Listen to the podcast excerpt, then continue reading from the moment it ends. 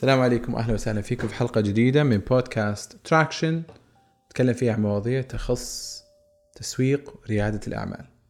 موضوع اليوم نتكلم فيه عن حاجة اسمها mini-vation أو الاختراعات البسيطة.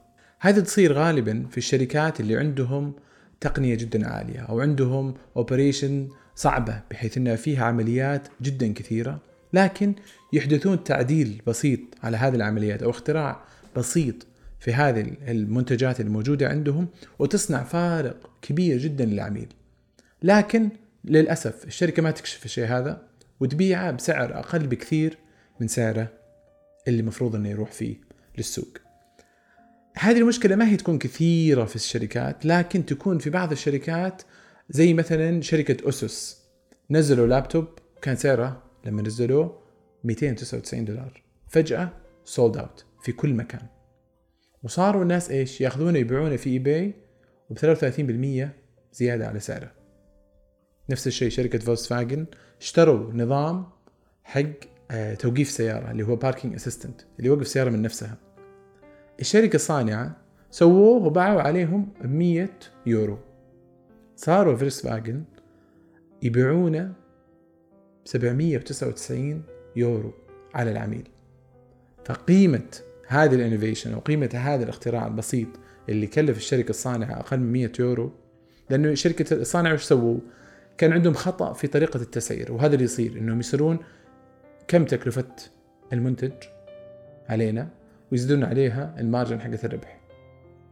كثير من الشركات للأسف يطيحون في هذا الخطأ إنه ممكن يكون عندهم منتج قيمته السوقية أعلى بكثير لكن طريقة التسعير اللي هم اعتمدوها قللت من قيمة المنتج في السوق وتصير كثير في المنتجات اللي لها رغبة في الناس يعني في شركة مثلا صنعوا آه، ورقة لعب لكن فجأة صار لها رغبة مرة عالية في السوق فصاروا الناس يشترونها على طول. أول ما تنزل ال collection يشترونها يروحون يبيعونها في eBay بأسعار جدا أعلى.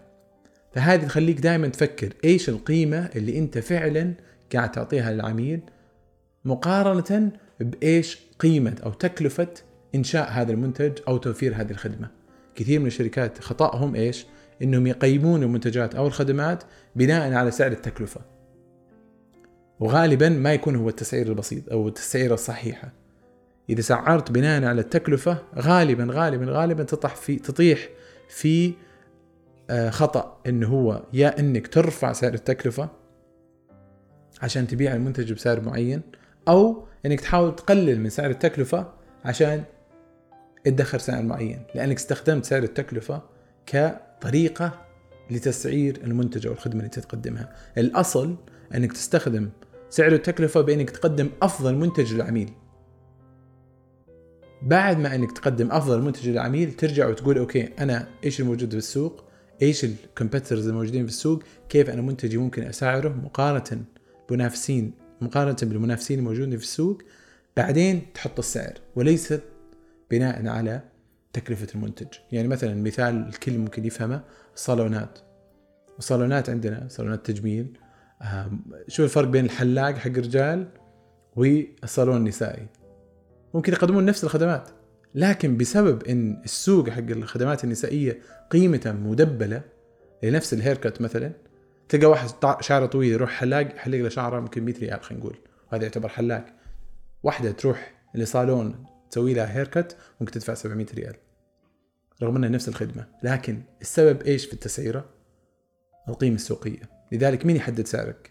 مو قيمة التكلفة حقتك لا القيمة المعتاد عليها في السوق وكيف القيمة اللي أنت تقدمها للعميل مقارنة للقيم اللي هو ياخذها من المنافسين حقينك في السوق. هذه كانت حلقة اليوم. يا رب كانت مفيدة وسريعة كالعادة. نشوفكم في حلقة جاية.